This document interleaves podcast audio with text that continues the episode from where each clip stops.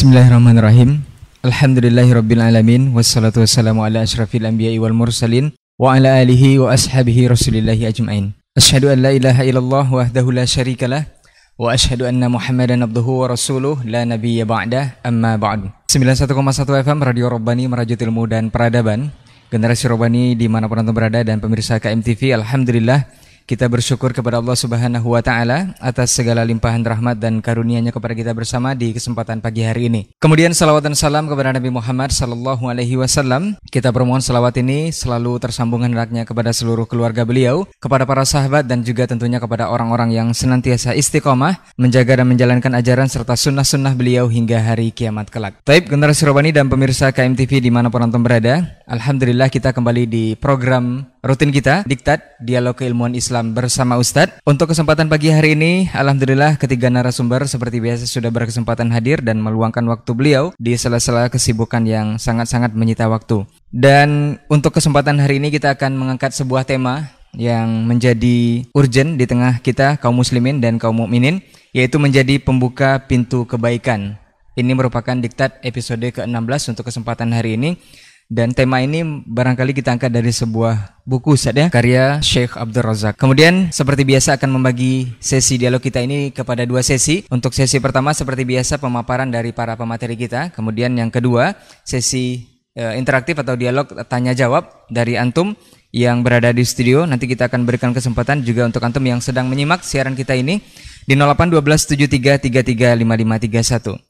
Kita juga selalu menginginkan untuk antum kaum muslimin untuk selalu menjaga protokol kesehatan COVID-19. Taib kita sapa narasumber yang sudah hadir untuk kesempatan hari ini. Guru kita Ustaz Dr. Dasman Yahya Ma'ali LCMA Hafizahullah Ta'ala. Assalamualaikum Ustaz. Sehat Ustaz? Alhamdulillah. Taib selanjutnya Ustaz Dr. Helmi Basri LCMA Hafizahullah Ta'ala. Assalamualaikum Ustaz. Sehat Ustaz ya? Alhamdulillah. Kemudian Ustaz Dr. Hidayatullah Ismail LCM Hafizahullah Ta'ala. Assalamualaikum Ustaz Sehat Ustaz Alhamdulillah. Taib generasi Romani dan pemirsa KMTV di mana pun nanti bisa menyimak dan menyaksikan siaran kita. Kita buka diktat untuk kesempatan hari ini dengan ucapan basmalah Bismillahirrahmanirrahim. Untuk tidak memperpanjang mukadimah, kita langsung saja kepada pembahasan untuk kesempatan hari ini. Kita minta untuk yang pertama, guru kita Ustaz Dr. Hidayatullah Ismail LCM Habizahullah Ta'ala. Fadal, Ustaz. Bismillahirrahmanirrahim. Assalamualaikum warahmatullahi wabarakatuh. Alhamdulillah, thumma alhamdulillah. Alhamdulillahilladzi bi ni'matihi tatimmu salihat. Ashhadu an la ilaha illallah wahdahu la syarika lah. واشهد ان محمدا عبده ورسوله الذي لا نبي بعده يا ايها الذين امنوا اتقوا الله حق تقاته ولا تموتن الا وانتم مسلمون سبحانك لا علم لنا الا ما علمتنا انك انت العليم الحكيم اما بعد yang kita muliakan guru kita Dr. Hilmi Basri Hafizullah Ta'ala guru kita Dr. Asman Yahya. Saudara kita saat kita Satrai yang memandu acara kita pagi ini. Dan seluruh tim yang berada di studio KMTV Radio Robani 91,1 FM hadirin hadirat saudara-saudari para pendengar setia KMTV dan Radio Robani di mana pun berada Alhamdulillah setinggi puji dan sedalam syukur kepada Allah atas nikmat yang sangat banyak yang Allah limpahkan kepada kita. Tidak satu detik pun Allah lalai kepada kita. Mulai dari alam rahim sampai kita terlahir ke dunia dan sampai pada detik ini dan saat ini. Allah senantiasa mencurahkan rahmat dan kasih sayangnya kepada kita. Kalaulah bukan karena pertolongan Allah dan kasih sayangnya Allah, rahimnya Allah kepada kita, maka sungguh kita tidak akan bisa melakukan satu kebaikan pun di dalam kehidupan ini. Oleh itu, tiada kata yang paling pantas untuk seorang mukmin kecuali senantiasa harus mengucapkan kalimat alhamdulillah memuja dan muji Allah Subhanahu wa taala. Bahkan kalimat ini pun akan kembali manfaat dan kebaikannya kepada kita. Karena kalimat tahmid yang diucapkan seorang mukmin itu akan memenuhi timbangan kebaikannya pada hari kiamat kelak. Dan itu tercatat sebagai kalimat yang akan membantunya di hari kiamat kelak. Oleh itu kaum muslimin, ya marilah senantiasa untuk membasahi lisan-lisan kita dengan memuja dan memuji Allah Subhanahu wa taala. Kemudian kita tak lupa dan tak bosan untuk berselawat kepada Rasul sallallahu alaihi wasallam kekasih kita guru kita dan junjungan kita bersama di dalam kehidupan kita menjalankan agama Allah tabaraka wa taala. Mudah-mudahan selawat dan salam yang senantiasa kita ucapkan yang menjadi bukti ya kita cinta kepadanya dan semoga usaha-usaha dan langkah-langkah kita untuk memperbaiki diri juga menjadi bukti untuk uh, mencintai Rasulullah sallallahu alaihi wasallam mengikuti sunnahnya dan mengamalkan ajarannya. Para masyayikh kiram yang saya muliakan dan seluruh kaum muslimin di mana pun berada pada kesempatan pagi ini kita mengangkat satu tema yaitu bagaimana menjadi kunci atau kunci-kunci kebaikan. Uh, sesungguhnya judul ini adalah berawal dari sebuah buku yang dikarang oleh Syekhna ya, Razak Hafizullah Ta'ala dalam judul aslinya Kaifa takunu miftah lil khair ya, bagaimana kamu menjadi kunci-kunci kebaikan perjalanan kita kepada Allah itu adalah perjalanan yang sesungguhnya membutuhkan bekal. Dan perjalanan menuju Allah itu adalah perjalanan yang eh, patut untuk kita persiapkan dan kita jadikan sebagai eh, tempat untuk mendapatkan kebaikan yang abadi di sisinya. Nah, dalam pembahasan ini ya saya menukilkan beberapa hadis yang ditulis oleh beliau di muqaddimah kitab. Di antaranya adalah hadis yang menyebutkan bahwa Rasulullah sallallahu alaihi wasallam mengatakan hadis ini dari Anas bin Malik radhiyallahu taala anhu Rasulullah sallallahu alaihi wasallam bersabda inna minan nasi nasan mafatiha lil khairi maghaliqa lisyarr ternyata ada di antara manusia itu yang mana mereka adalah menjadi kunci-kunci kebaikan dan penutup pintu-pintu keburukan. Wa inna minan nasi nasan mafatiha lisyarri maghaliqa lil khair maka ternyata ada pula manusia golongan kedua yang mana mereka itu adalah menjadi kunci-kunci keburukan dan menjadi ya penutup bagi kebaikan. Subhanallah. Dari hadis yang mulia ini yang dihasilkan Syalbani Allah taala kita dapatkan bahwa ternyata ada dua sisi manusia yang mana Allah jadikan pada tangannya kunci-kunci kebaikan dan Allah jadikan pula pada tangannya ada kunci-kunci keburukan. Sehingga Nabi mengatakan fatuba liman ja'alallahu miftahal khairi ala yadaihi. Maka beruntunglah dia yang Allah jadikan pada tangannya kunci kebaikan.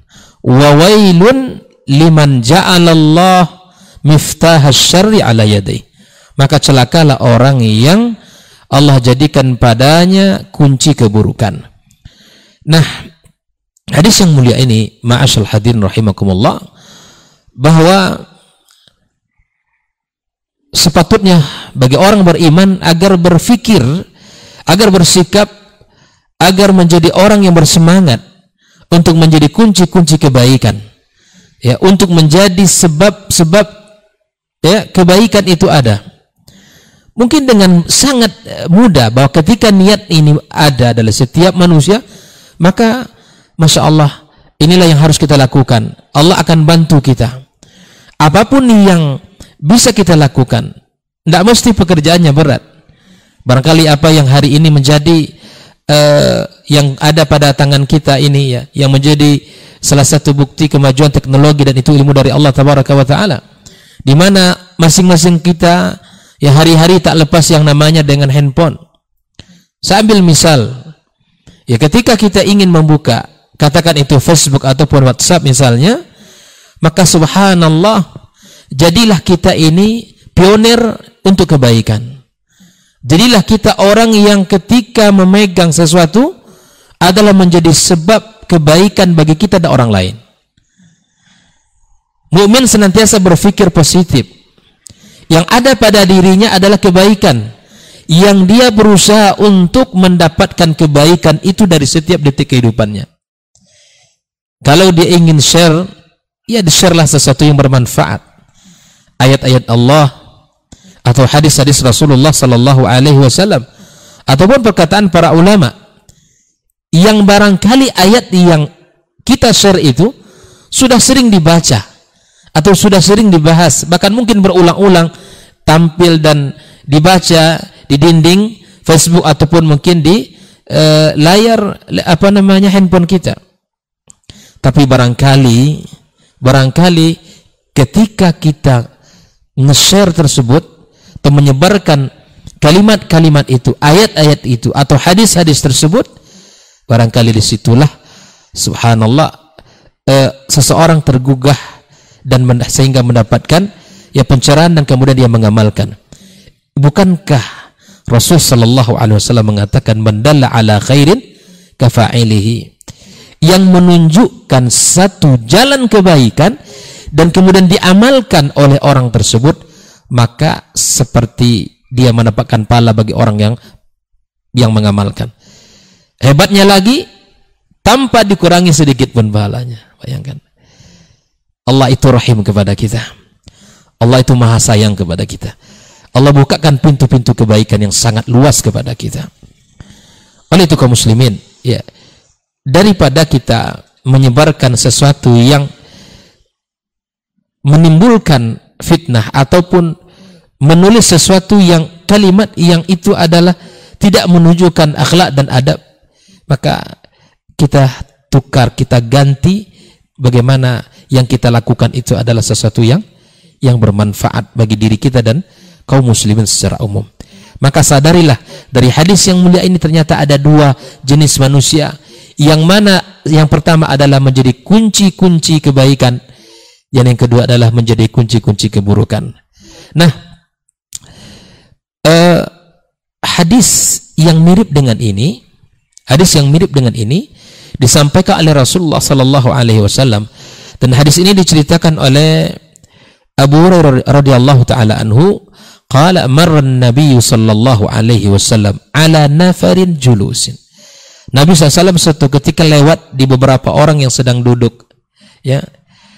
Maka Nabi Shallallahu Alaihi Wasallam menyapa mereka dengan mengatakan, "Ala ukhbirukum bi khairikum min min syarrikum."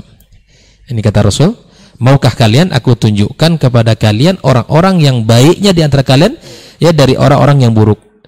Siapa yang baik dan siapa yang buruknya? Ya. Fasakatal kaum. Sahabat ketika itu diam. Maka Nabi mengatakan, fa'adaha thalathan lalu kemudian mengulang kalimat tadi ya inilah Nabi SAW ya yang menawarkan kebaikan-kebaikan ini kedua kita sallallahu alaihi wasallam maka kemudian para sahabat mengatakan qalu bala ya Rasulullah. Ya. Nam, kami ingin wahai Rasul maka akhbirna bi khairina min syarrina. Kasih tahu kami siapa yang terbaik dan siapa pula yang terburuk. Maka Nabi kita sallallahu alaihi wasallam khairukum man yurja khairuhu. Subhanallah. Yang terbaik di antara kalian adalah orang yang diharapkan kebaikannya. Wa yu'man syarruh. Yang terjaga aman dari keburukannya di orang itu kalau hadir Masya Allah orang hati orang senang ya. kalau bicara memberikan manfaat kalau dia datang yang mendatangkan kenyamanan kalau dia bersama menghadirkan kebaikan Masya Allah ditunggu Makanya sebaik-baik nikmat di dunia ini adalah kita mencintai dan dicintai. Kita bisa memberikan cinta kepada orang dan kita dicintai orang. Maka jadilah orang yang disebutkan oleh Rasulullah sallallahu alaihi wasallam yaitu khairukum man yurja khairuhu wa yu'man syarruh. Itulah orang yang terbaik versi Rasulullah sallallahu alaihi wasallam dan wa syarrukum ya yang buruknya di antara kalian itu siapa? Ya. Man la yurja khairuhu wa la yu'man syarruhu. Yang tidak diharapkan padanya kebaikan, yang tidak aman darinya keburukan. Jadi kalau dia bercakap itu menusuk Eh, kalau dia nulis status itu menghina, itu tidak diharapkan kebaikan itu. Di kalau dia ya mengadat status misalnya, ya senantiasa menghina dan melecehkan orang, itu tidak diharapkan kebaikan. Maka manusia itu kata Rasul kata Rasul sallallahu alaihi ya al-layyinus sahal. Kita ini menjadi orang yang yang lembut, yang mudah. Ya tidak perlu kita yang merendahkan orang, tidak perlu kita mencaci maki orang, Kalaupun kita tidak setuju dengan apa yang disampaikan, ya sudah. Seluruh kebaikan akan kembali kepadanya dan seluruh keburukan akan kembali kepadanya. Ya. Oleh itu kaum muslimin rahimakumullah, jadilah orang-orang yang senantiasa pembuka kebaikan dalam kehidupan kita. Bagi orang-orang yang pelajar, yang para penuntut ilmu, jadi dalam setiap detik kehidupan kita yang menjadi pembuka kebaikan. Bagi kaum muslimin yang Allah titipkan padanya harta, maka jadikan harta itu sebagai kunci kebaikan. Bagi yang padanya amanah, kedudukan jabatan, maka gunakan sebagai wasilah untuk mendapatkan pahala dan kebaikan di Allah Subhanahu wa taala. Mudahkan orang, jangan dipersulit kalau ingin dimudahkan Allah di hari kiamat kelak. Jangan pakai kaidah kalau bisa dipersulit kenapa harus dipermudah. Ini tentu bertolak belakang dengan kaidah ya syariat kita. Ya yassiru wala tu'assiru. Permudah, jangan dipersulit orang. Permudah, jangan dipersulit orang. Maka itu kaum muslimin, kalau ingin ditolong Allah, maka tolonglah hambanya. Wallah fi aunil abdi madama al-abdu fi auni akhihi. Itu kunci. Kalau ingin ditolong Allah, maka Allah akan Nah, kalau ingin ditolong Allah maka tolonglah hamba-hamba Allah Subhanahu wa taala. Mudahkan urusan hamba-hambanya. Ya senyum ketika berjumpa, bantu ketika dia sulit, ya kemudian bersamai ketika dia susah. Maka inilah ukhuwah yang telah dibangun dalam konsep Islam dan sungguh tidak ada dari syariat ini kecuali telah sempurna. Tinggal bagi kita untuk mendapatkan ya bagian dari kunci-kunci kebaikan itu. Hadirin hadirat yang dimuliakan Allah Subhanahu wa taala. Eh, hadis yang semisal ini sangatlah banyak sekali. Ya. Eh, di antaranya adalah seperti yang disebutkan Rasulullah sallallahu alaihi wasallam ya. Eh, ahabul ibadi ila Allah anfa'uhum li'iyalihi wa khairun nasi anfa'uhum linnas dan seterusnya. Dan itu semua adalah hadis-hadis yang menjadikan diri kita ini orang-orang yang memiliki akhlak dan sifat yang yang mulia di Allah Subhanahu wa taala maka berfikirlah sesuatu yang positif dan berikanlah sesuatu yang baik untuk diri kita dan untuk umat ini maka insya Allah dengan sedikit itu Allah akan berkahi ya dengan apa yang Allah berikan kepada kita. Ya mudah-mudahan kita menjadi orang-orang yang Allah jadikan pada tangan kita kunci-kunci kebaikan dan penutup kunci-kunci keburukan. Termasuklah alhamdulillah zakallahu khair para ikhwah ya yang menjadi sebab terjadinya ya pertemuan kita pada pagi yang penuh berkah ini ini adalah uh, menjadi salah satu contoh ya kunci kebaikan. Sungguh acara ini tidak akan terlaksana atas izin Allah Subhanahu wa taala ya. Kalau seandainya antum punya ide kemudian para asatidz tidak hadir mungkin tidak terjadi juga. Dan beginilah wa ta'awanu al birri wa taqwa wa la ta'awanu al itsmi wal udwan. Inilah bentuk tolong menolong dalam kebaikan. Yang mudah-mudahan apa saja langkah-langkah yang harus dilakukan sehingga menjadi kunci-kunci kebaikan. Maka insya Allah akan dijabarkan oleh guru-guru kita yang lain. Barakallahu fikum. Subhanakallah bihamdik. Asyhadu an la ilaha illa anta astaghfiruka wa atubu ilaih.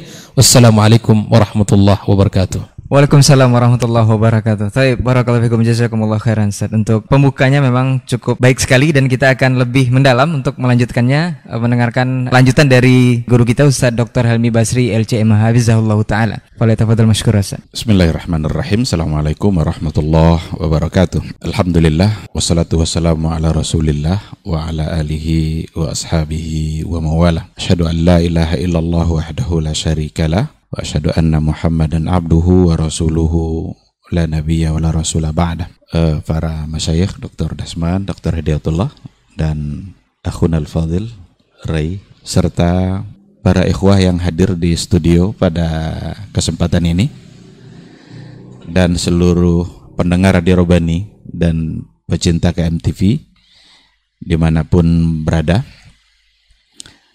uh, marilah senantiasa kita bersyukur pada Allah Subhanahu wa taala tidak boleh ada saat di mana kita putus untuk bersyukur karena memang nikmat Allah itu tidak pernah putus dalam kehidupan kita.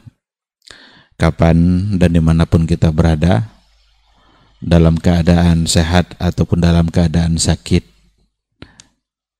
itu pasti ada nikmat Allah yang menyertai kita. Kita hanya diminta untuk bersyukur dan Allah pun berjanji akan menambah nikmat bagi siapa saja yang bersyukur. Oleh karena itu, syukur itu untungnya untuk kita. Karena kita bersyukur, maka nikmat akan bertambah. Bertambah nikmat itu bisa dilihat dari dua sisi, bisa dari sisi kuantitas, itu yang selama ini dipahami oleh banyak orang, tapi ada bertambah nikmat secara kualitas. Mungkin yang diberikan Allah sama dengan yang sebelumnya, tapi bisa saja kualitasnya tidak sama. Dua-duanya adalah baik dan dua-duanya adalah harus disyukuri. Kita juga harus berselawat dan salam untuk Rasulullah Sallallahu Alaihi Wasallam. Allahumma salli ala Muhammad wa ala ali Muhammad. Sosok figur yang diutus oleh Allah Subhanahu Wa Taala untuk merubah wajah dunia merubah wajah peradaban dan benar-benar wajah itu sudah berubah. Dari jahiliyah menjadi sesuatu yang diterangi oleh cahaya ilmu. Dari yang senantiasa dihiasi oleh berbagai kemaksiatan lalu diganti dengan hiasan-hiasan indah yang sangat menarik dengan akhlak-akhlak yang mulia. Sosok itu harus kita tauladani karena satu-satunya jalan yang membuat kita selamat sampai ke akhirat kelak hanyalah ketika kita berada di atas jalan, di atas garis yang sudah diatur oleh Rasulullah Sallallahu Alaihi Wasallam. Sebuah garis yang lurus, yang tidak ada bengkok-bengkoknya, maka jangan pernah mengikuti yang bengkok-bengkok itu maka selalulah berada pada garis yang lurus maka orang-orang yang istiqamah di atas sunnah Rasul akan istiqamah pula dia nanti ketika jalan di atas sirat di yaumul mahsyar kita berharap mudah-mudahan kita semua adalah orang-orang yang bisa mendapatkan syafaatnya di hari itu amin amin ya rabbal alamin uh, para ikhwah para pendengar yang dimuliakan Allah di mana pun berada. Hari ini kita mengangkat satu tema yang saya kira ini sangat penting untuk kita bicarakan. Bagaimana kita bisa menjadi kunci pembuka kebaikan. E, mudah-mudahan tema ini menjadi motivasi bagi kita untuk benar-benar menjadi pintu kebaikan bagi orang lain dan mengunci serapat-rapatnya pintu keburukan. Nah, karena nampaknya kalau kita tadaburi baik-baik hadis yang dibacakan oleh Dr. Hidayatullah tadi, nampaknya memang hanya ada dua pilihan. Kita ini kalau seandainya tidak menjadi inspirasi kebaikan bagi orang lain, maka akan menjadi sebaliknya.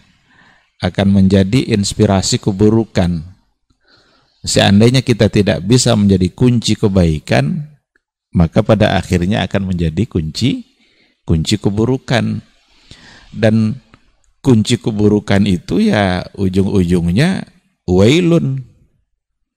Karena dihadiskan surat saya, wailun liman ja'alallahu maghaliqa al khair. Betapa uh, wail itu celakanya orang-orang yang kalau seandainya memang di tangannya ada kunci kunci keburukan. Tapi orang-orang yang bisa menjadi kunci kebaikan kata Rasul tuba. Tuba itu berbahagialah eh, orang-orang uh, yang memang menjadi kunci kebaikan. Oleh karena itu, orang-orang yang berakal, orang-orang yang cerdas tentu memilih yang terbaik untuk diri dia. Yang terbaik itu adalah ketika kita menjadi kunci kebaikan. Kalau kita lihat juga hadis yang tadi itu, sepertinya memang kunci itu tidak satu. Karena Rasul mengatakan mafatih. Di antara manusia ada yang dijadikan oleh Allah mafatiha al-khair, kunci-kunci kebaikan.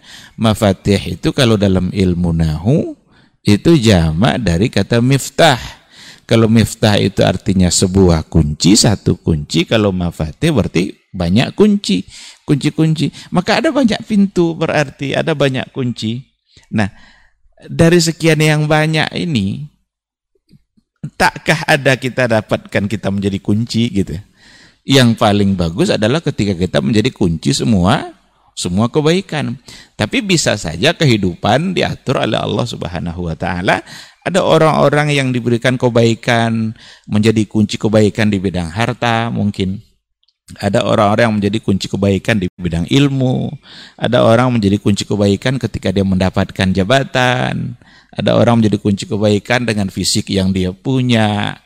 Jadi agak dunia ini kehidupan memang diatur oleh Allah Subhanahu wa taala seperti itu. Eh, dan kita harus paham, harus cerdas ketika kita memiliki kelebihan yang diberikan oleh Allah Subhanahu wa taala, sesungguhnya itu adalah peluang kunci kebaikan yang diberikan oleh Allah Subhanahu wa taala kepada dia yang diberikan kelebihan. Nah, oleh karena itu para pendengar, ikhwah sekalian yang hadir di studio yang dimuliakan Allah, mari sama-sama kita camkan, kita tanamkan dalam diri kita agar kita senantiasa bisa menjadi kunci-kunci kebaikan itu. Kunci yang mana yang bisa kita lakukan untuk sebagai uh, pintu kebaikan itu harus kita lakukan. Kalau ada semuanya alhamdulillah, kalau tidak mana yang ada. Karena seperti yang dikatakan tadi, kehidupan kita bervariasi dan itu semua adalah untuk keseimbangan dalam dalam kehidupan. Lalu kemudian kunci kebaikan untuk siapa? Kalau kunci kebaikan untuk siapanya ya untuk diri kita sendiri dan juga pintu kebaikan bagi orang lain. Tentu saja kita yang akan mendapatkan kebaikan itu lebih awal sebelum itu menjadi kebaikan bagi bagi orang lain.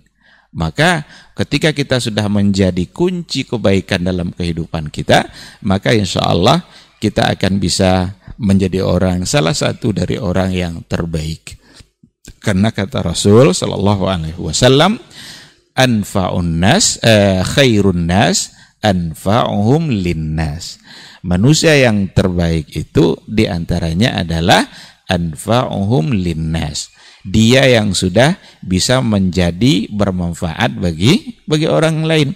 Maka ketika kita sudah menjadi kunci kebaikan dengan demikian insya Allah kita akan menjadi orang yang terbaik dalam perspektif Allah dalam pandangan Rasulullah Sallallahu Alaihi Wasallam. Maka sangat penting untuk memahami tema kita hari ini karena tema ini kalau sudah kita pahami baik-baik maka yakinlah dan mudah-mudahan kita termotivasi untuk menjadi orang yang bermanfaat dan orang bermanfaat itu adalah orang yang terbaik kata Rasulullah sallallahu alaihi wasallam.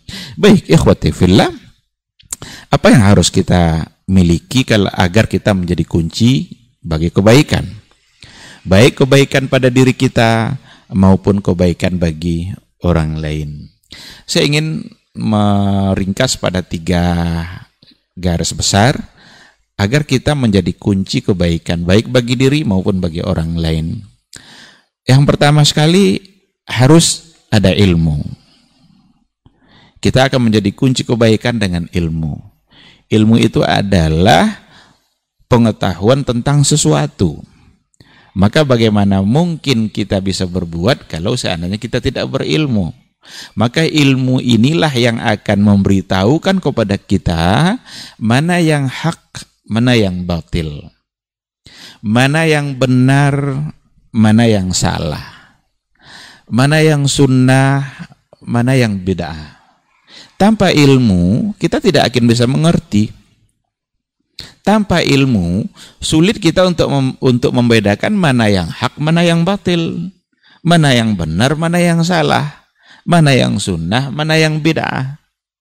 Tanpa ilmu, kadang-kadang yang sunnah bisa dianggap salah dan yang bid'ah malah bisa dianggap menjadi menjadi benar. Oleh karena itu, kunci kebaikan pertama itu agar kita bisa menjadi kunci itu menjadi kunci kebaikan, maka mestilah dengan dengan ilmu. Ilmu yang bermanfaat bagi diri kita dan ilmu yang bermanfaat bagi bagi orang lain. Lalu ilmu apa saja? Ini tentu saja uh, secara luas gitu. Syariat ini secara keseluruhan ya masuk dalam kategori ilmu. Bagaimana kita mengerti dengan Allah, ma'rifatullah, bagaimana kita mengerti dengan Rasul kita, ma'rifatul Rasul, bagaimana kita mengerti dengan din, dengan Islam yang dibawa oleh Rasulullah Sallallahu Alaihi Wasallam, itu semua adalah bagian dari ilmu. Syariat ini semuanya adalah berdasarkan kepada ilmu yang datang dari Allah Subhanahu wa taala. Oleh karena itu, agar ilmu kita selalu benar dan bermanfaat, maka ambillah ilmu itu dari syariat yang diajarkan oleh Rasulullah sallallahu alaihi wasallam. Ketika kita ingin mencoba untuk mengenali Allah Subhanahu wa taala, ambil ilmu pengenalan terhadap Allah itu dari apa yang diajarkan oleh Rasulullah sallallahu alaihi wasallam melalui Al-Quran yang datang dari Allah dan itu ya cara yang paling tepat. Karena Al-Quran itu adalah firman Allah. Firman Allah itu dia yang langsung menyampaikannya. Maka kalau seandainya kita mengenali Allah melalui firmannya langsung itulah cara yang paling tepat. Tidak ada sedikit pun keraguan dalam hal itu. Maka di awal Al-Quran sendiri sudah dikatakan bahwa yang kalian baca ini ha, la raiba fihi. Itu dari dari awal Al-Qur'an. Tidak ada satupun keraguan. Jangankan tidak beriman, ragu saja tidak tidak boleh coba. La raiba fihi. Nah, ini kadang ada yang menolaknya, ada yang tidak mempercayainya, padahal ragu saja tidak, ragu saja tidak boleh. Nah, itulah sebabnya itu diletakkan di awal-awal ayat. Karena semua yang akan kita baca dari awal ini sampai akhir nanti la raiba fi. Tidak ada satupun yang boleh untuk diragukan. Termasuk di antaranya persoalan persoalan-persoalan akidah. Jadi akan sangat tidak bisa diterima ketika ada orang-orang meragukan banyak hal terkait dengan Allah, dengan sifat-sifat Allah yang ada di dalam Al-Quranul Kirim. Bahkan mereka mencoba pula untuk membawa-bawanya kepada pemahaman-pemahaman yang di luar itu yang justru tidak lagi sejalan dengan yang dikatakan oleh Allah dan oleh Rasulullah Sallallahu Alaihi Wasallam. Nah, oleh karena itu al ilmu itu sebagai kata kunci. Tidak mungkin kita mendapatkan kebaikan dan menjadi kunci kebaikan kalau seandainya tidak punya tidak punya ilmu. Ilmu itu akan bermanfaat bagi pemiliknya. Itu lebih awal. Sebelum bermanfaat bagi orang bagi orang lain. Nah, ketika kita sudah memilikinya, mendapatkan sesuatu yang yakin, diyakini oleh dia, maka dia akan mendapatkan berbagai kebaikan di dalam kehidupan dia, akan nyaman kehidupan dia, dan itu nanti dia bisa sampaikan kepada orang lain, dan itu bisa menjadi kunci kebaikan pula bagi bagi orang lain. Baik, ikhwati fillah. Jadi yang pertama sekali yang harus ada pada kita agar kita menjadi kunci kebaikan itu adalah al-ilmu. Harus ada ilmu. Itu yang pertama. Yang kedua, agar kita menjadi kunci kebaikan itu membuka pintu kebaikan baik bagi diri maupun bagi orang lain itu al-amal. Harus ada amal. Jadi tadi yang pertama adalah ilmu, yang kedua adalah amal. Amal itu itu sebagai kunci mendapatkan kebaikan. Baik untuk diri kita maupun untuk orang lain.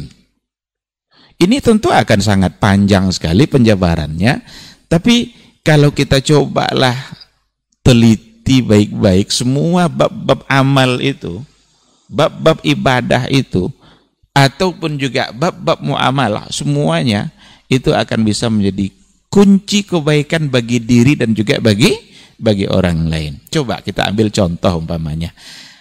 Salat. Ketika kita ingin mengerjakan salat, kita masuk masjid, apa doa yang kita ucapkan saat kita masuk masjid? Allah maftahli abwaba rahmatik.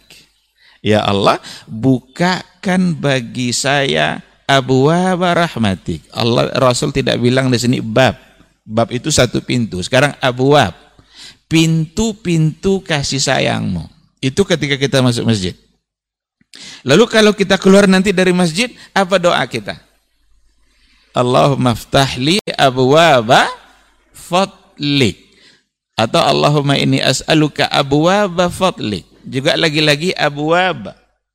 Ya Allah, bukakan pula bagi saya pintu-pintu karuniamu. Nah, coba bayangkan. Jadi, solat yang disuruh oleh Nabi, itu sesungguhnya masuknya adalah pintu rahmat, keluarnya adalah pintu karunia. Itu semua adalah pintu-pintu pintu pintu kebaikan.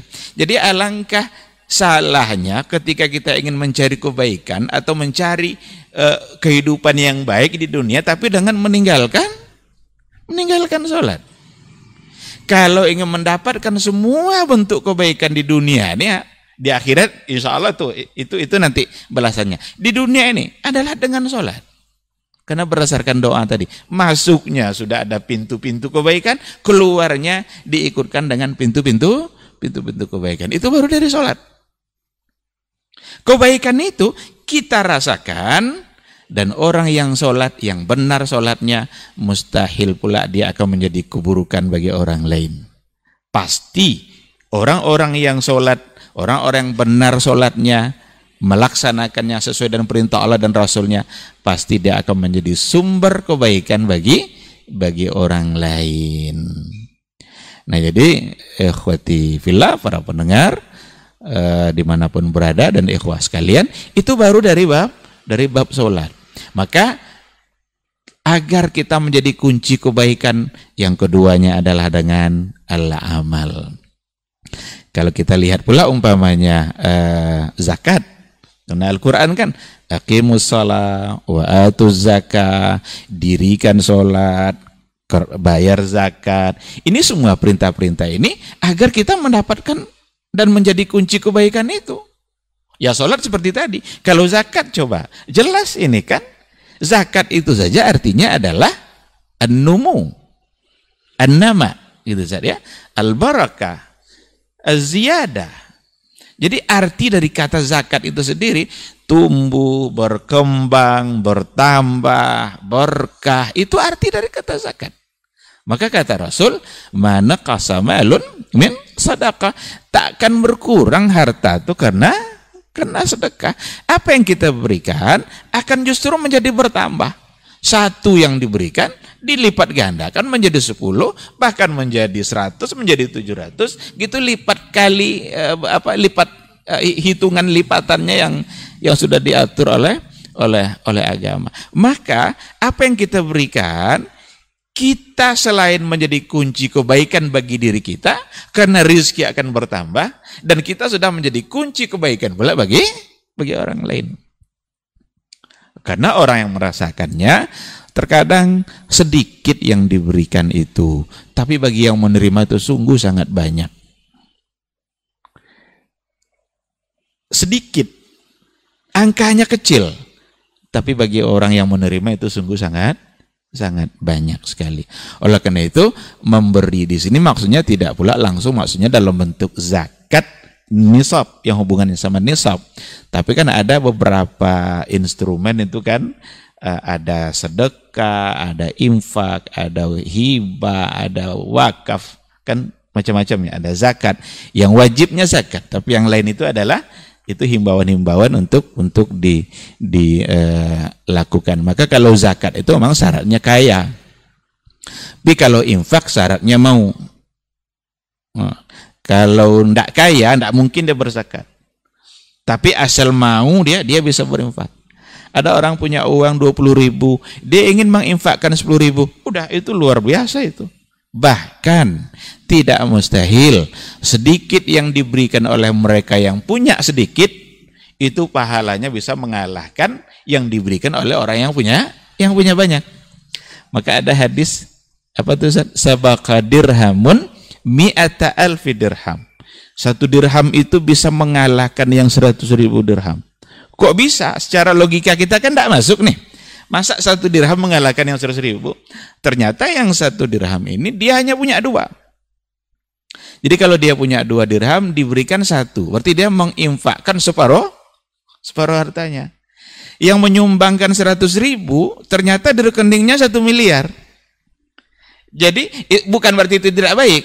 Itu baik. Tapi tingkat pengorbanannya kalah oleh yang satu tadi.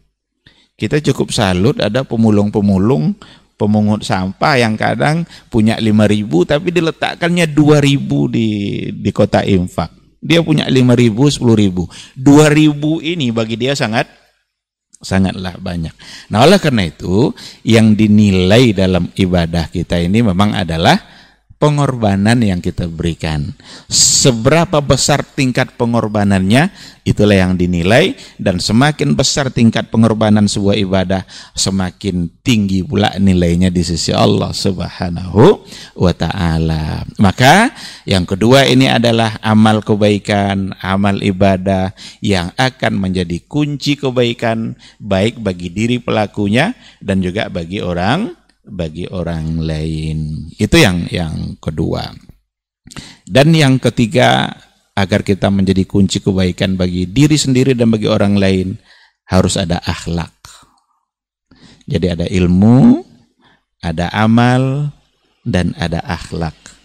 Akhlak itu karakter kita, tabiat baik yang ada pada diri kita, dan itu tidak dibuat-buat akhlak yang ada pada diri kita, yakinlah akan menjadi kunci kebaikan baik bagi diri kita maupun bagi orang lain. Contoh umpamanya uh, jujur. Jujur ya. Al-amanah wasidq. Uh, amanah itu lebih kepada tindakan. Kalau asidku itu lebih kepada perkataan. Jadi asidku itu jujur cara perkataan, amanah itu jujur dalam bertindak. Nah, jadi al-amanah wasudq ini salah satu dari akhlak baik yang kalau seandainya kita punya, kalau seandainya di diri kita ada amanah, maka yakinlah kita akan senantiasa menjadi kunci kebaikan bagi kehidupan kita sendiri dan juga kunci kebaikan bagi bagi orang lain. Orang akan merasa nyaman dia ketika berada bersama orang-orang yang amanah. Tetapi orang akan merasa tidak nyaman ketika bersama-sama dengan orang yang yang tidak amanah, yang pembohong, yang tidak jujur. Kalau seandainya ada orang, kita sudah kenal dia sebagai orang yang amanah. Lalu dia menyampaikan sesuatu, ada sesuatu yang dia sampaikan orang menyampaikan ini kita selama ini menilainya memang sebagai orang amanah. Kita tidak panjang pikir untuk menerima apa yang dia sampaikan. Umpamanya ada hadis kalau Rasulullah Shallallahu Alaihi Wasallam disebutnya satu hadis. Kita kenal orangnya, ndak apa, uh, ndak sulit kita untuk langsung menerima. Tapi kalau ada orang yang sudah terkenal berbohong, banyak bohongnya dalam penyampaian-penyampaiannya.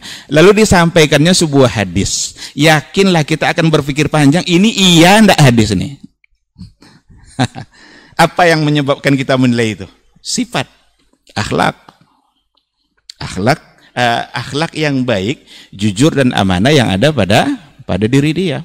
Maka dulu ketika Nabi itu sudah memang terkenal sebagai orang yang amanah, nyaman orang Quraisy itu.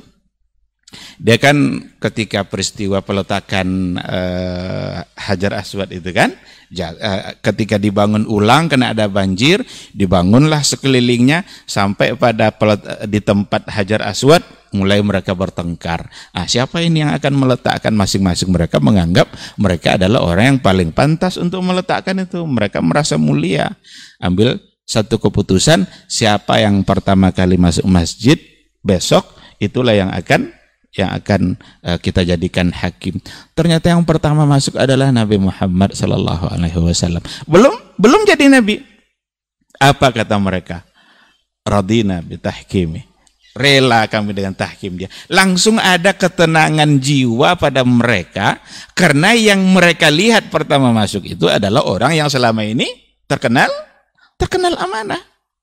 Nah, maka orang yang amanah pasti pasti akan menjadi kunci kebaikan bagi orang lain. Nyaman hidup orang dibuatnya. Maka hadis-hadis kan eh, yang orang yang ditunggu kebaikannya tapi eh, dan orang tidak khawatir dengan dengan keburukannya itu adalah orang-orang yang yang khairukum juga orang-orang yang terbaik.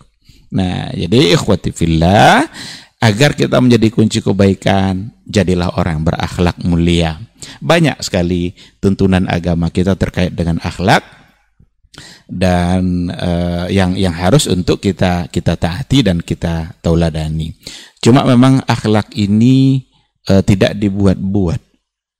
Jadi bukan sekadar dilihat saja oleh orang sebagai perbuatan baik, tidak, tapi akhlak itu harus sudah menjadi karakter bagi seseorang itu tabiat yang sesungguhnya. Karena kalau dibuat-buat nanti pada kondisi-kondisi tertentu dia tidak lagi bisa menjadi orang yang terpuji seperti itu. Inilah secara besar saya kira uh, yang bisa saya sampaikan agar kita bisa menjadi kunci kebaikan bagi orang lain. Harus ada ilmu, harus ada amal, kemudian hiasi diri dengan akhlak yang baik. Terima kasih. Akan lebih luas insya Allah diberikan penjelasan oleh Syekh kita dan saya sudahi dengan Assalamualaikum warahmatullahi wabarakatuh. Waalaikumsalam warahmatullahi wabarakatuh. Baik, barakallahu fikum jazakumullah khairan Sar. Untuk lanjutan dari tema kita ini menjadi pembuka pintu kebaikan. Selanjutnya kita akan lebih sempurnakan dengan guru kita Ustaz Dr. Dasman Yahya Ma'ali LCMA hafizahullah taala. Falyatafadhal mashkur Ustaz. Assalamualaikum warahmatullahi wabarakatuh. Innal hamdalillah nahmaduhu wa nasta'inuhu wa nastahdi wa nastaghfiruhu wa natubu ilaih ونعوذ بالله من شرور أنفسنا وسيئات أعمالنا. من يهده الله فلا مضل له ومن يضلل فلا هادي له. أشهد أن لا إله إلا الله وحده لا شريك له وأشهد أن محمدا عبده ورسوله. لا نبي ولا رسول بعده. يا أيها الذين آمنوا اتقوا الله حق تقاته ولا تموتن إلا وأنتم مسلمون. يا أيها الناس اتقوا ربكم الذي خلقكم من نفس واحدة وخلق منها زوجها وبث منهما رجالا كثيرا ونساء. واتقوا الله الذي تساءلون به والأرحام.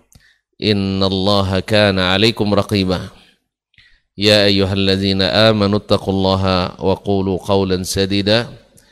يصلح لكم أعمالكم ويغفر لكم ذنوبكم. ومن يطع الله ورسوله فقد فاز فوزا عظيما. أما بعد فإن أصدق الحديث كتاب الله وخير الحدي حدي محمد صلى الله عليه وسلم وشر الأمور محدثاتها وكل محدثة بدعة وكل بدعة ضلالة para masyayikh Fadilatul Syekh Dr. Helmi Basri Ad-Daudi Fadilatul Syekh Dr. Al-Murabbi Al-Syekh Hidayatullah Ismail Hafizahumul Maula wal akhil karim Wal Sadiq al hamim Syekh Imran Ray Imran yang saya muliakan saudara-saudaraku yang hadir di studio Kampar Mengaji para ikhwah di Radio Rabbani 91,1 FM dan para pendengar, para pemirsa baik di rumah maupun di kantor atau dimanapun berada. Hari ini Masya Allah di pagi yang cerah, di waktu duha, mudah-mudahan secerah iman yang ada dalam jiwa, yang mudah-mudahan masuk dalam firman Allah فَمَنْ يُرِدِ اللَّهُ أَنْ يَهْدِيَهُ يَشْرَحْ صَدْرَهُ لِلْإِسْلَامِ Siapa yang Allah inginkan dia dapat hidayah. Allah lapangkan dadanya menerima al-Islam. Allahumma ishrah lana sudurana wasaddid al-sinatana. Allahumma arinal haqqa haqqa warzuqna ittiba'ah. Wa arinal batila batila warzuqna ijtinabah. Bersyukur kita para masyayikh, para bapak, ibu, saudara dan saudari, adik-adik dan anak-anak. Di pagi ini kita bisa bertemu kembali dalam satu majelis yang mudah-mudahan termasuk pula majelis yang diberikan ketenangan di dalamnya. Diliputi rahmat dan mudah-mudahan dikelilingi malaikat dan mudah-mudahan menjadi salah satu miftah min mafatihil khair. Seperti yang dikatakan oleh masyayikh kita tadi. Dan semoga para ikhwah yang menjadi penyebab terselenggara pertemuan ini dan yang sebelumnya dan yang akan datang menjadi kunci-kunci pembuka kebaikan. Termasuk saudara-saudaraku yang ikut menyaksikan atau mendengarkan. Semoga mendapat bagian yang tak kurang dari apa yang dijanjikan. Allahumma amin. Oleh itu mari kita bersyukur kepadanya pada kesempatan ini kita bisa bersua baik melalui udara offline dan online. Istilah zaman ini. Uh, kita bersyukur kepada Allah atas nikmat ini karena memang iman itu yasda' kama yasdaul hadin. Imam itu kadang-kadang bekarat seperti bekaratnya besi. Maka kita duduk di majelis ilmu nusaqiluhu kembali membuatnya mengkilat mengasahnya kembali. Oleh itu Umar radhiyallahu taala anhu sering mengatakan kepada sahabat, "Ta'al najlis nu'min sa'ah."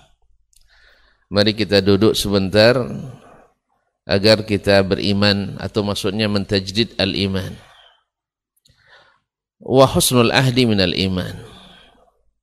Jadi senantiasa mengingatkan, senantiasa bertemu, senantiasa uh, apa namanya berjumpa dan menghubungi itu termasuk iman. Seperti kata Nabi alaihi salatu wassalam. Oleh itu ikhwani fillah walaupun tadi sudah sangat lengkap baik secara penjelasan oleh Dr. Hidayatullah dan Masya Allah ringkasan yang juga jelas dari Dr. Helmi Basri saya tidak punya bagian lagi nampaknya kecuali mengulang-ulang atau ya saya cobalah sedikit mungkin ada yang terlupa atau kurang ditekankan atau ada yang berlebih saya simpan pertama hadis yang disebutkan oleh Dr. Hidayatullah tadi yang dinukil yang disebutkan oleh Syekh Abdul Razak dalam kitabnya Mafah Kaifa takunu miftah lil khair. Ini hadis diriwayatkan oleh Imam Abu Dawud At-Tayalisi dalam Al-Musnad Ibnu Majah dalam As-Sunan Ibnu Abi Asim dalam As-Sunnah Imam Al-Bihaqi dalam Syu'abul Iman dan lain-lainnya dari jalan Thabit Ibn Aslam Al-Bunani dari Anas ibn Malik radhiyallahu taala anhu dari Nabi alaihi salatu wassalam bahwa beliau bersabda inna minan nas mafatih halil khair wa maghaliqa lisyarr fatuba liman ja'ala Allahu miftahal khairi ala yadayhi wa wailun ala man ja'ala Allahu miftahal syarri ala yadayhi hadis ini ya terpaksa kita nukil juga dihasankan oleh Syekh Al-Albani Ya sebab ulama-ulama sebelumnya sepertinya belum menjatuhkan hukumnya. Ini bisa dimaklumi sebab di zaman Imam Ibnu Majah orang melihat sanadnya langsung paham seperti kata Syekh Helmi tadi. Orang menyampaikan hadis ini pendusta, ini bukan, ini saduk, ini thiqa.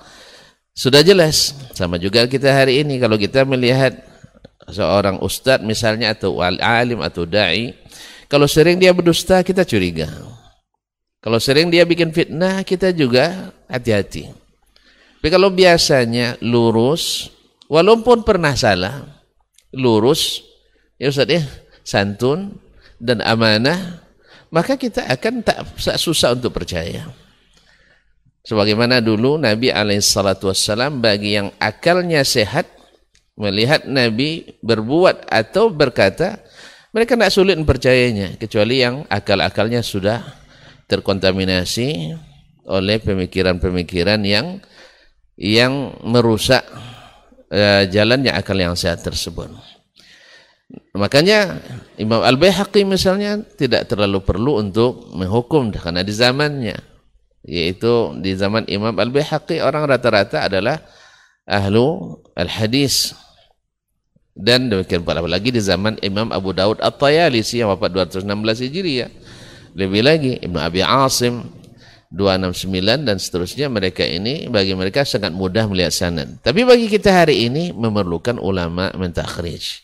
Untunglah kalau antum belajar di jurusan ilmu hadis, mungkin semester 1 dan 2 bisa langsung mentakhrij sambil ya sambil micing ya, sambil merem gitu. Tapi bagi kami memang untuk bisa derajat itu lama baru bisa sambil merem. Sambil merem pun payah juga, harus juga sambil melek gitu kaum muslimin dan muslimat dirahmati Allah.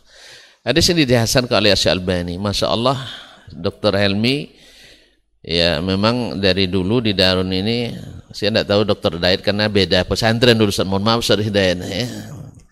Beliau ini pernah menjerat saya dalam ujian kandidat dulu. Nih. Ya, di Nahu dia Masya Allah, apalagi di Saraf. Ya, tapi tetap murid saya gitu. Nah, tetap murid. Tidak bisa dia naik sekarang nih.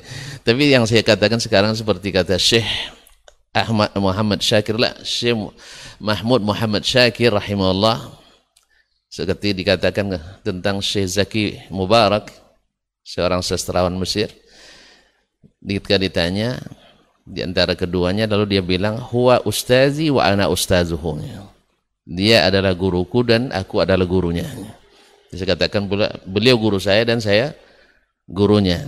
Nah itu. Cuman lebih duluan saya jadi gurunya. Jazakallah khair. Masyaallah kiram dirahmati Allah. Secara bahasa, Masya Allah, istimbat yang luar biasa. Yaitu Allah menjadikan mafatih. Mafatih lil khair. Kunci-kunci pembuka. Dari fataha yaftahu.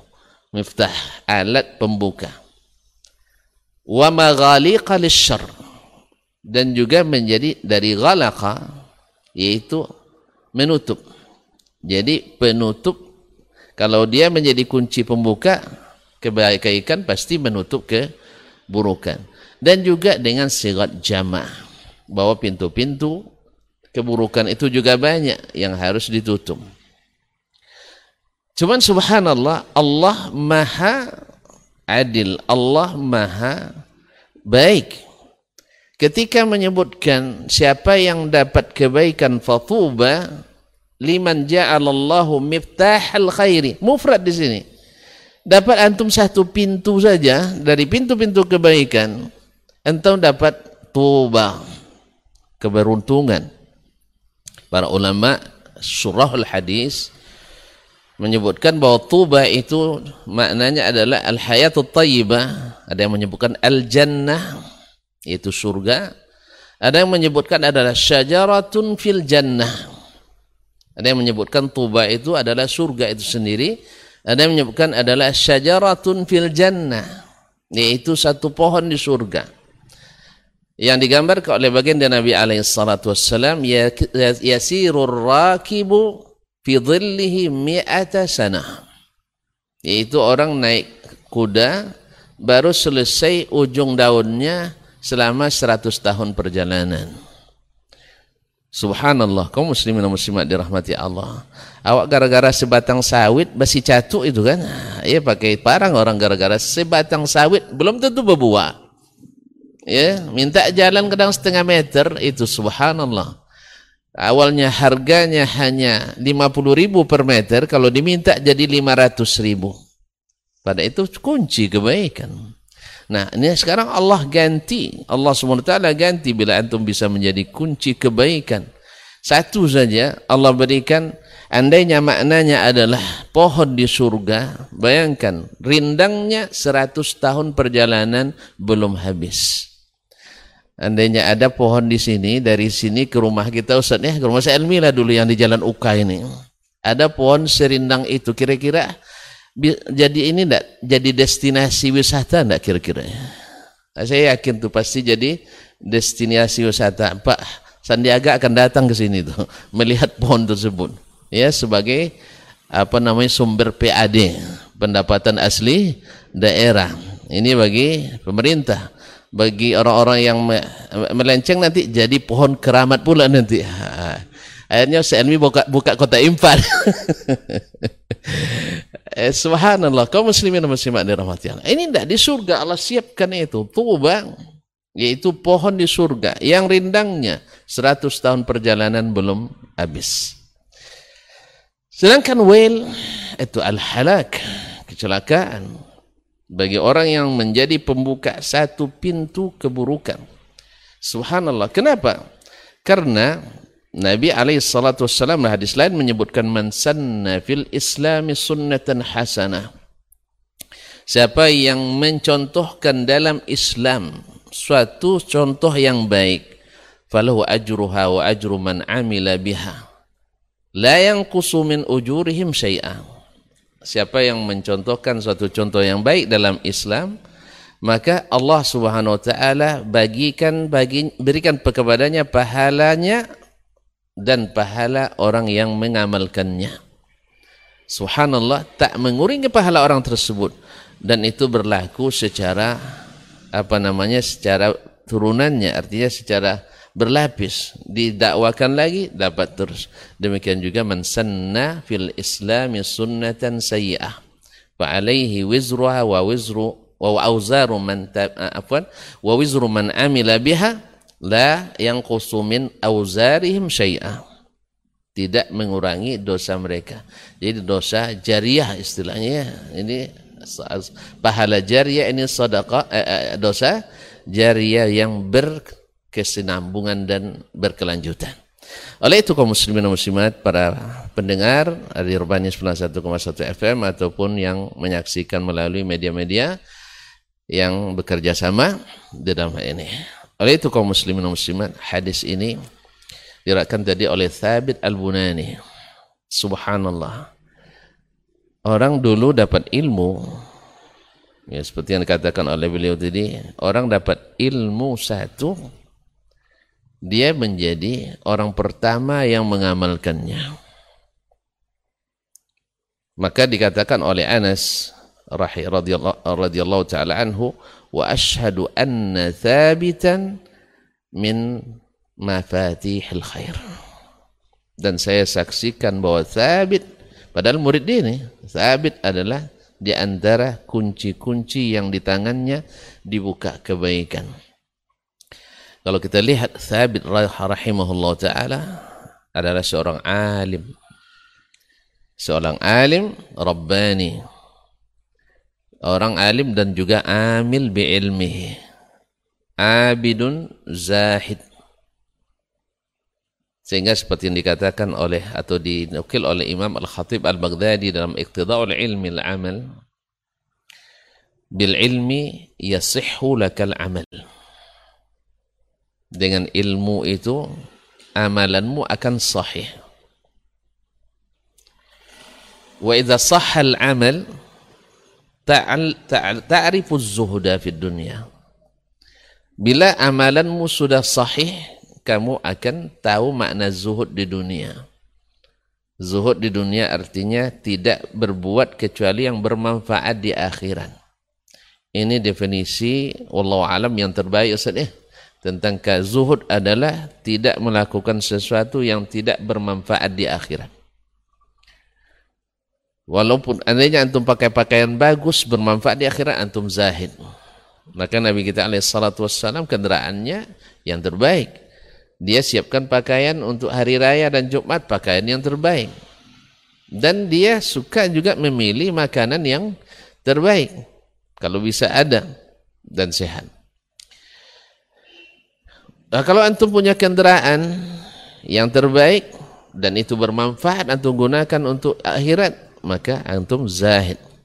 Makanya Sayyidul Zuhad di zaman tabi'in Bakar bin Abdullah Al-Muzani diriwayatkan atau disebutkan oleh uh, Az-Zahabi dan sebelumnya Abu Nuaim dalam Hilyatul Auliya juga Ibnu Mulaqin dalam Tabaqatul Auliya dia sebutkan bahwa bajunya harganya hanya lebih kurang 400 dirham.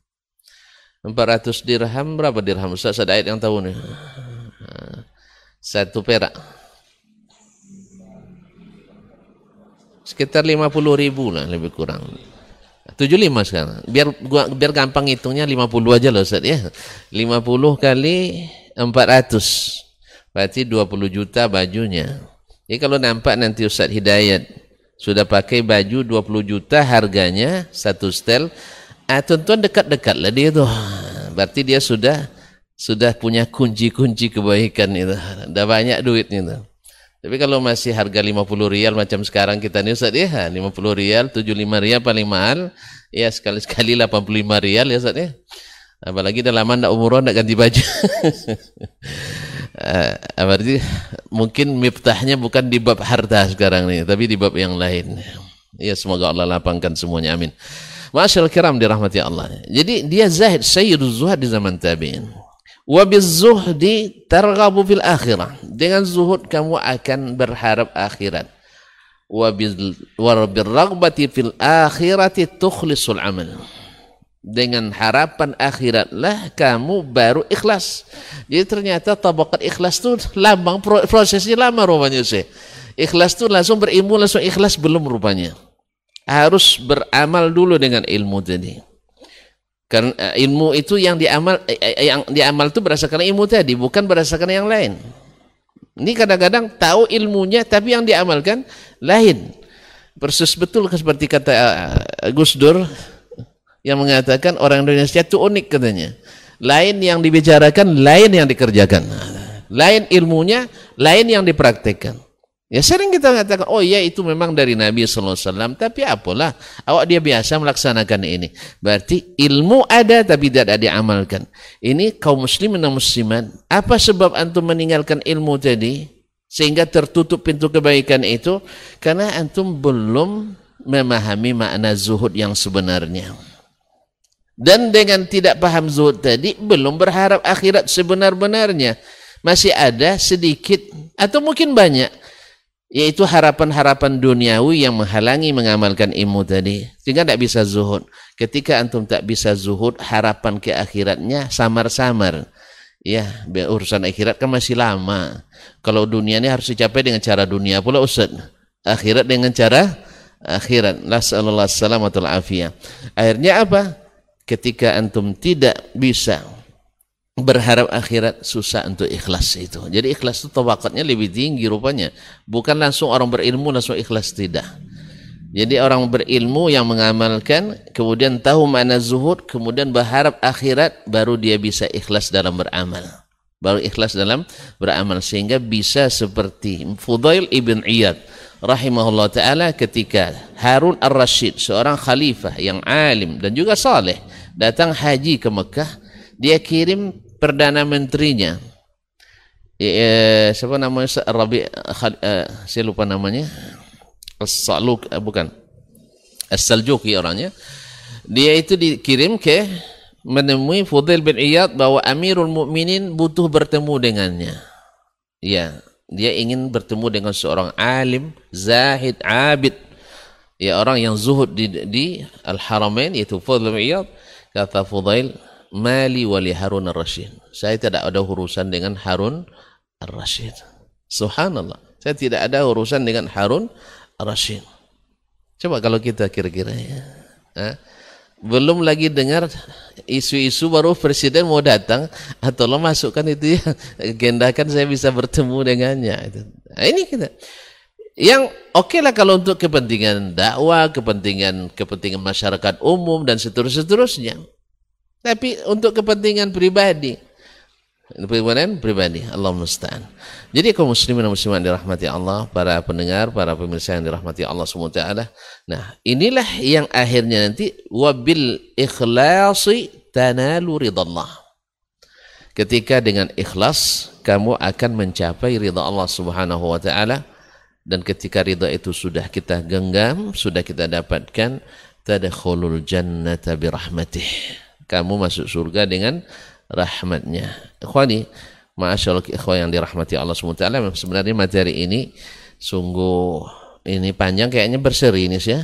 Ya berseri nampaknya ini karena kalau tadi Syekh meringkas dalam tiga yaitu ilmu, amal dan akhlak ya ini garis besarnya nanti kita harus meniti garis-garis yang garis-garis apa namanya detailnya lagi sebab Syekh di sini menyebutkan ada 16 miftah dan mungkin ditambahkan ya dan miftah yang pertama adalah bahwa Allah lah sebenarnya yang menjadi pembuka pintu kebaikan itu.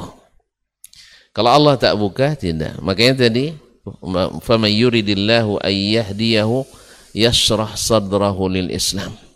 Siapa yang Allah inginkan dia hidayah, Allah lapangkan, Allah bukakan hatinya menerima Islam. Makanya kaum muslimin ketika Nabi Shu'aib alaihissalam dalam berdakwahnya padahal beliau sebelumnya diharapkan oleh kaumnya laqad kunta fina marjuwa kamu dulu orang yang diharapkan. Tapi tiba-tiba bawa yang seperti ini.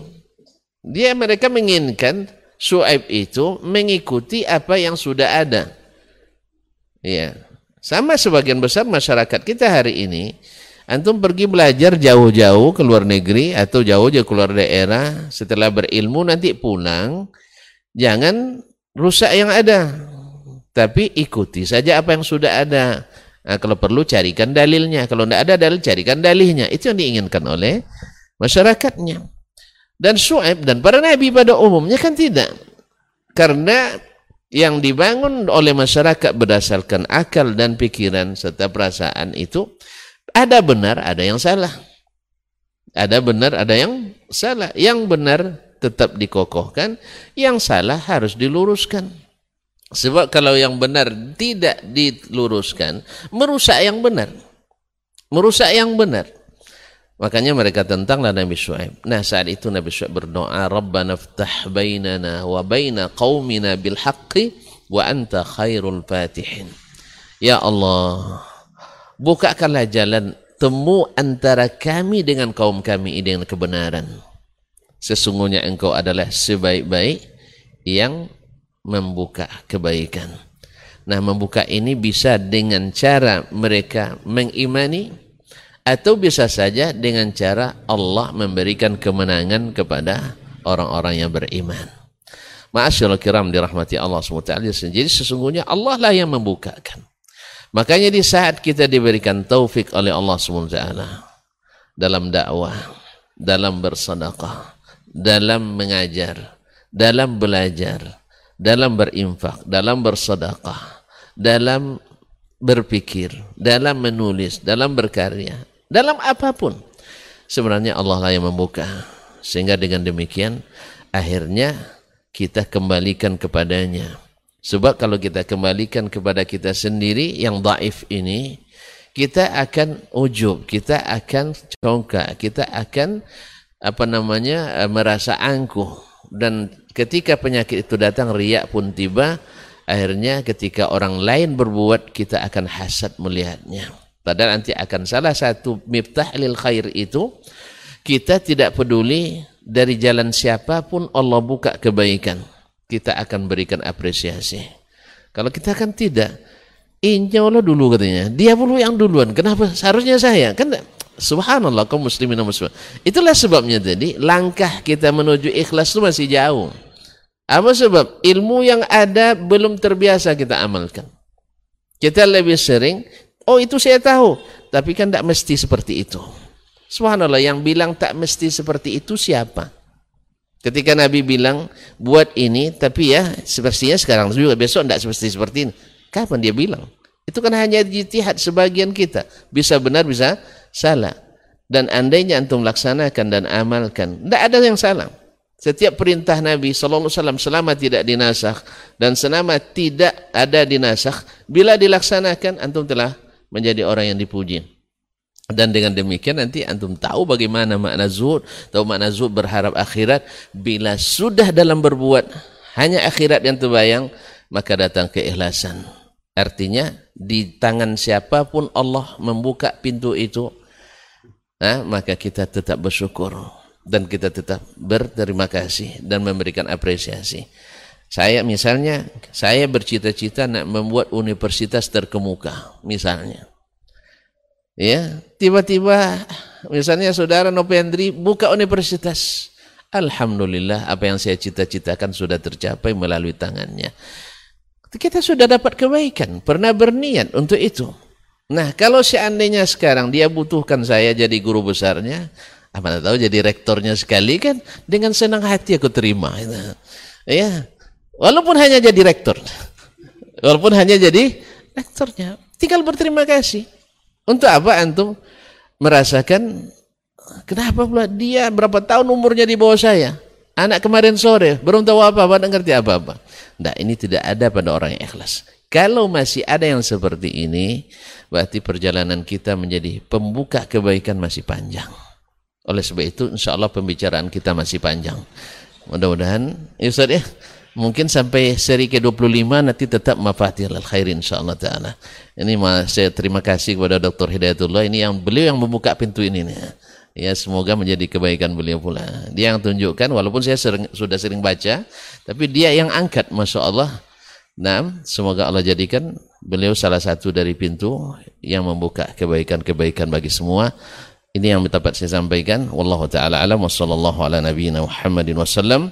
Terima kasih dan mohon maaf. Wassalamualaikum warahmatullahi wabarakatuh. Waalaikumsalam warahmatullahi wabarakatuh. Baik, barakallahu fikum jazakumullah khairan Ustaz untuk penyempurnaan materi kita di kesempatan hari ini mengenai menjadi pembuka pintu kebaikan dan ini kita harapkan juga bukan yang pertama, ini akan ada seri-seri atau episode-episode selanjutnya. Baik, seperti biasa di sisa waktu kita akan bersoal jawab di 81273335531 untuk antum yang menyaksikan atau menyimak program kita ini dan untuk yang ada di studio nanti kita akan berikan kesempatan juga untuk bertanya langsung kepada para masyayikh kita. Untuk pertanyaan pertama kita bacakan di 081273335531 dari putaran Kartama. Assalamualaikum warahmatullahi wabarakatuh Ustaz. Pertama semoga Robani FM dan juga KMTV semakin jaya dalam dakwah dan selalu bersama umat Rasulullah SAW. Yang ingin saya tanyakan Ustadz, ada seorang dai viral di media sosial, bahkan sudah sering diundang ke sana sini, itu menyebarkan beberapa kekeliruan dalam dakwah. Dan kita menjadi ikut menyebarkannya juga dengan tujuan sebenarnya untuk menyatakan kepada umat bahwa ini adalah salah. Tetapi sebagian yang lain semakin membuatnya menjadi viral dan terkenal Ustadz. Ini apakah saya menyebarkan menyebabkan pintu kebaikan atau menyebabkan pintu keburukan Ustadz? Nah, jazakallah khairan. Bismillahirrahmanirrahim. Terima kasih atas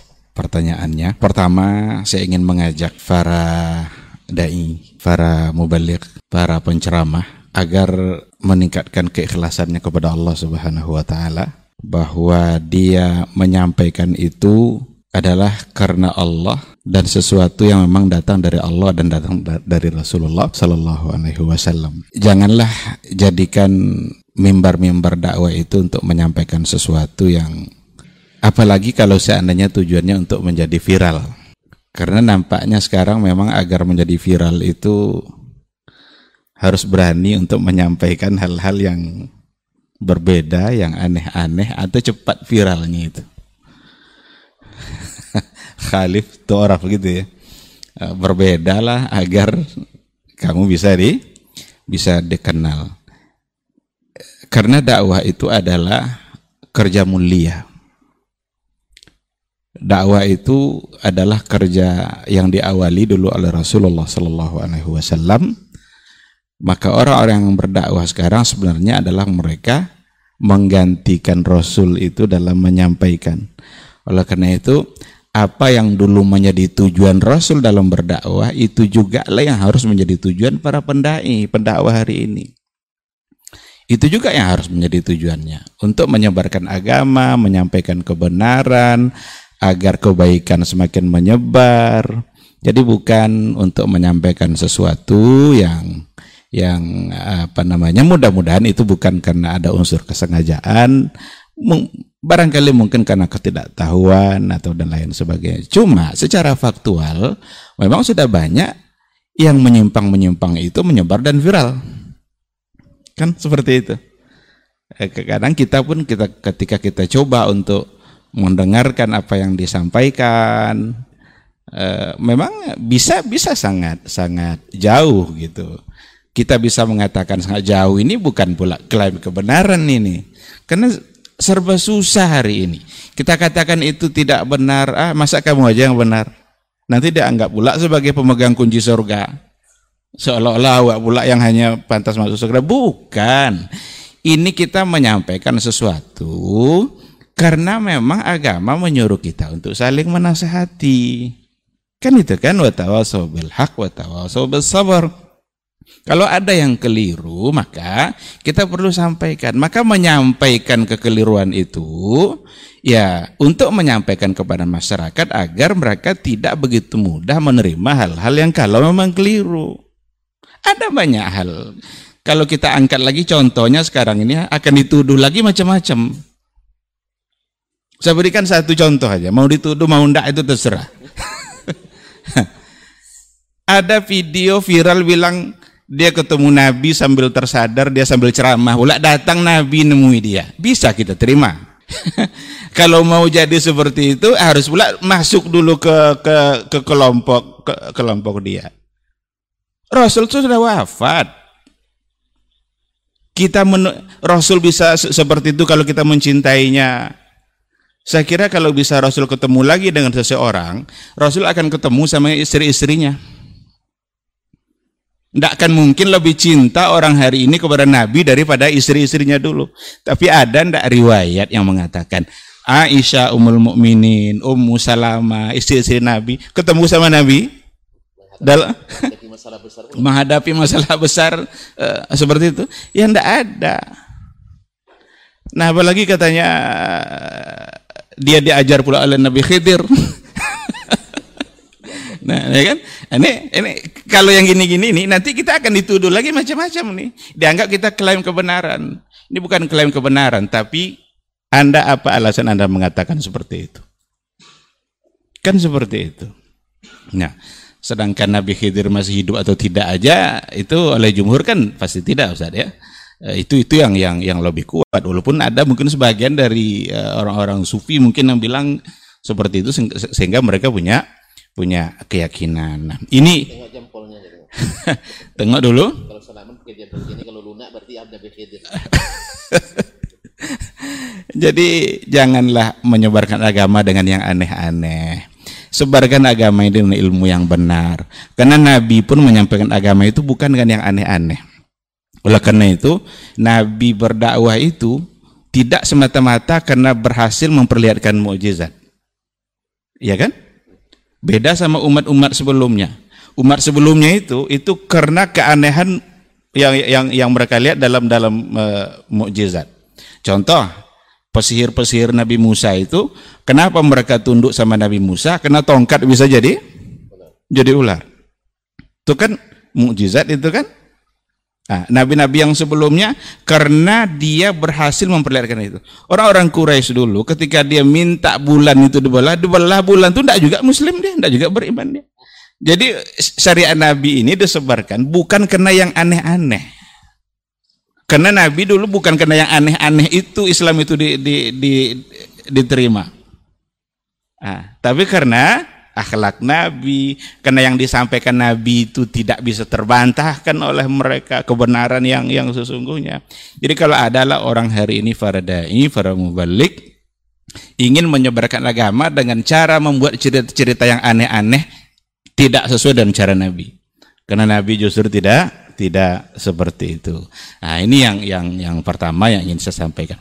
Yang kedua, lalu bagaimana kalau seandainya kita ikut pula menyebarkan ini tapi dengan tujuan tujuan untuk memberitahukan bahwa ini adalah sesuatu yang yang salah.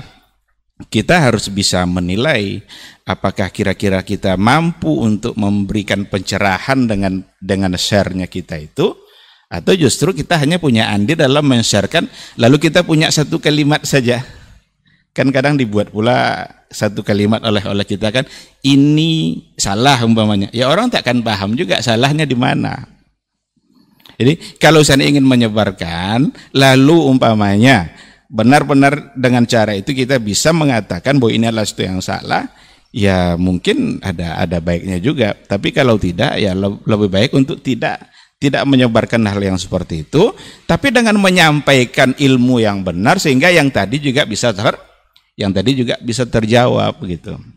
Nah, jadi jangan sampai kita menjadi kunci keburukan eh, dalam dalam persoalan ini Eh, habis-habis uh, paket kita ternyata yang yang kita dapatkan hanyalah dosa uh, habis paket kita tapi yang kita dapatkan adalah pahala nah, itu yang perlu untuk kita yang kita lakukan Sekiranya itu, itu itu mungkin tanggapan saya saya ingin Dr. Dasman sama Dr. Diatullah menambah nah, menambah jawaban saya Bismillahirrahmanirrahim uh, terima kasih uh, saudara Rai dan ikhwa yang atau uh, ya, yang bertanya dan sungguh jawaban dari guru kita Dr. Helmi Afad ya, sudah memberikan sangat banyak faedah kepada kita. Namun ada satu sisi yang ingin saya sampaikan bahwa uh, beginilah para ya, doat yang seharusnya di mana kita eh, tugas kita sebagai seorang dai adalah mengajak kepada Allah Subhanahu wa taala. Mengajak untuk kembali kepada kitabullah dan sunnahnya. Sunnah Rasulullah sallallahu alaihi wasallam. Ketika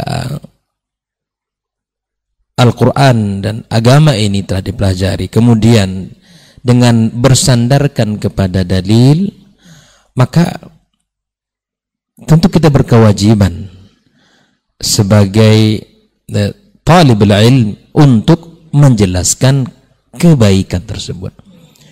Jika ada penyimpangan, kekeliruan yang disampaikan, maka kemudian kita diam atas kekeliruan itu. Maka inilah dikatakan oleh para ulama min akbaril ghasyi 'alal ummah sukutu al haqq penipuan terhadap umat yang paling terbesar adalah diam terhadap kebenaran. Jadi menjelaskan ya kepada umat sesuatu yang yang keliru itu bukan klaim kebenaran ya. Bukan mengatakan kita yang terbaik, bukan. Tapi dalam rangka untuk menjelaskan ya kebenaran itu untuk umat tahu bahwa ini loh yang sesungguhnya. Oleh itu kaum muslimin, maka sekali lagi saya mengajak diri kita dan seluruh kaum muslimin untuk sama-sama menghayati dan kemudian kita bersama-sama saling tawasau bil haq wa tawasau bis sabr.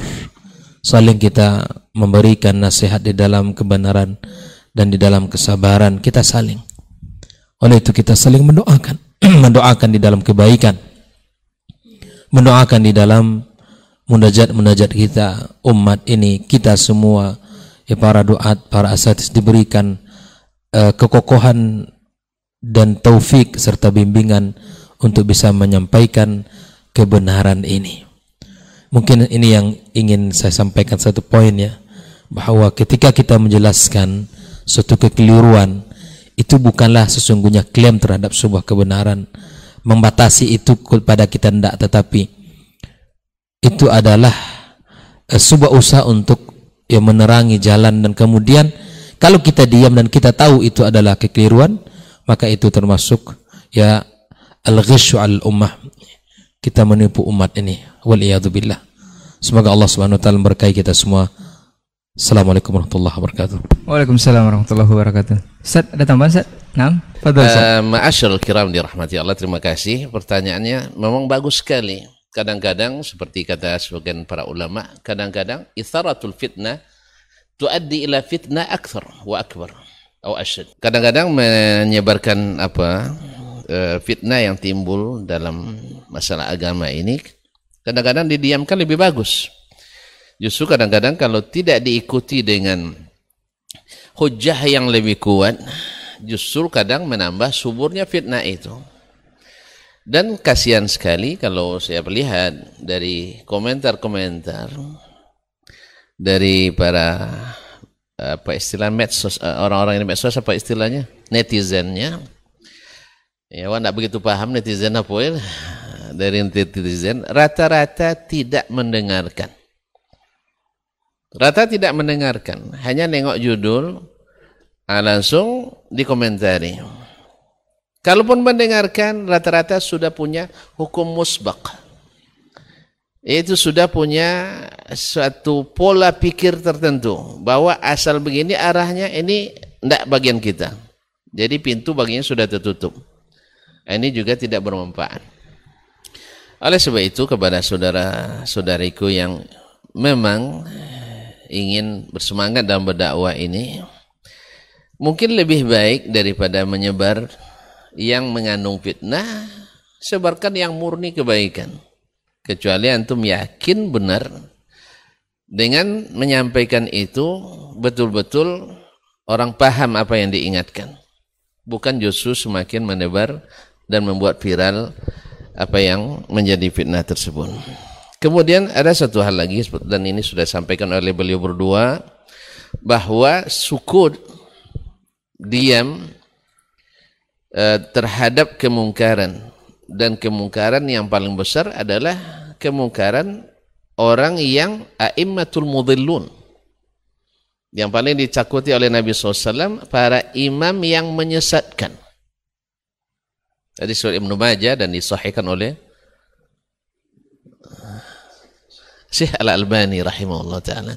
Ya dan gimana lagi? Tentu bahasa juga merujuk ke situ nampaknya. Ya. Nah.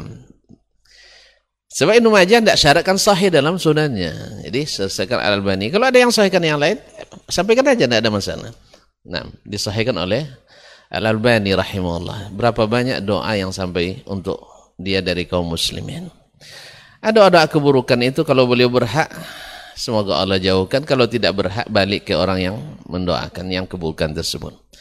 Kau muslim dan muslimat dirahmati Allah SWT.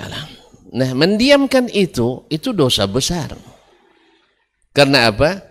Kalau yang bicara orang awam, yang tersesat tak berapa orang. Tapi kalau bicara seorang berilmu, alim, itu luar biasa. Luar biasa. Dan dosanya tidak sedikit. Makanya ini termasuk angkarul mungkaran. Oleh sebab itu ketika sebagian ulama seperti Yahya bin Ma'in rahimahullah yang ilmu ahli ilmu jarh ta'dil dia katakan fulan thiqah fulan la ba'sa bi fulan kadzab fulan matruk dan seterusnya ada yang bilang ya Abu Zakaria Kaifa tatakalam ala unasin rubbama qad hattu rihalahum fil jannah? Bagaimana engkau berbicara tentang orang-orang yang barangkali dia sudah membentangkan tikarnya di surga? Sudah menambatkan kendaraannya di surga. Mendapat peringatan itu memang Yahya memang sangat ter ini termenung dan menangis. Karena ini tanggung jawab besar membicarakan orang. Tapi lalu dia bilang, la yakunu khasama'i yaumal qiyamati ahabbu ilayya min ayakuna Rasulullah sallallahu alaihi wasallam khasmi.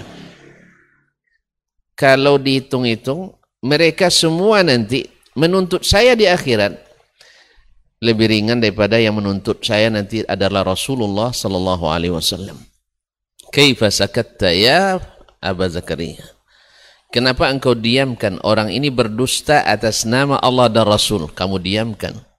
Orang ini menyesatkan atas nama Allah dan Rasul. Kamu diamkan. Orang ini berbuat melanggaran sunnah, meninggalkan sunnah, menebar bid'ah. Karena atas nama Allah dan Rasul kamu diamkan. Atas nama ini dan seterusnya. Wa wudi'al kitab waji'a bin nabiyyin wasyuhada wa qudiya bainahum bil haqqi wa hum la yuzlamun. Besok itu kitab catatan dibentangkan dan didatangkan para saksi dan para nabi hari itu diputuskan keputusan yang hak. Tidak ada pengacara lagi. Di pengacara tidak laku lagi hari ini. Penuntut umumnya langsung Allah SWT. Oh, sekarang kan masih bisa dimain-mainkan kan. Ya asal kalau antum nak menang sewa pengacara mahal. Ya, profesional. Di situ tidak. Lisan boleh berdusta, tapi lutut tak bisa. Lisan boleh menipu, memutar balik fakta tetapi jemari ini nanti berbicara kenapa kalian lima syahidtum alaina qalu antaqana Allahu allazi antaqa kulla syai kami tidak bisa menolak karena Allah lah yang membuat kami berbicara karena dia sanggup membuat apa pun berbicara la ilaha illallah nah apakah nanti lutut punya mulut hari itu apakah nanti kepala punya mulut jemari punya mulut tidak. Karena seperti sebagian orang menolak Allah berbicara karena lazimnya punya mulut, punya lidah, punya gigi, punya kerongkongan dan sebagainya. Subhanallah. Di dunia aja sudah Allah lihatkan bahwa ada batu di Makkah mengucapkan salam ke Nabi. Pakai mulutnya. Tidak. Korma menangis, sedih karena ditinggalkan Nabi alaihissalam ketika khutbah. Didengar oleh para sahabat. Punya mulut, tidak. Sedih punya hati? Tidak. Jadi keedah-keedah yang ini ini keedah yang sahih pun ada istisnanya.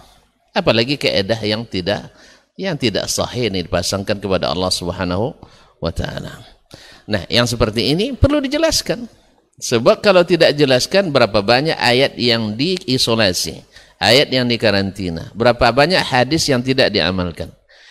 Ketika kita jelaskan, tidak ada bertentangan laisa kamitsli syai'un dengan Allah Subhanahu wa taala bal yadahu mabsutatan. Sebab kita katakan berbicara tentang zat sama berbicara dengan sifat. Laisa kamitsli yadihi yadun. Selesai. Ayat semuanya bisa dipadukan.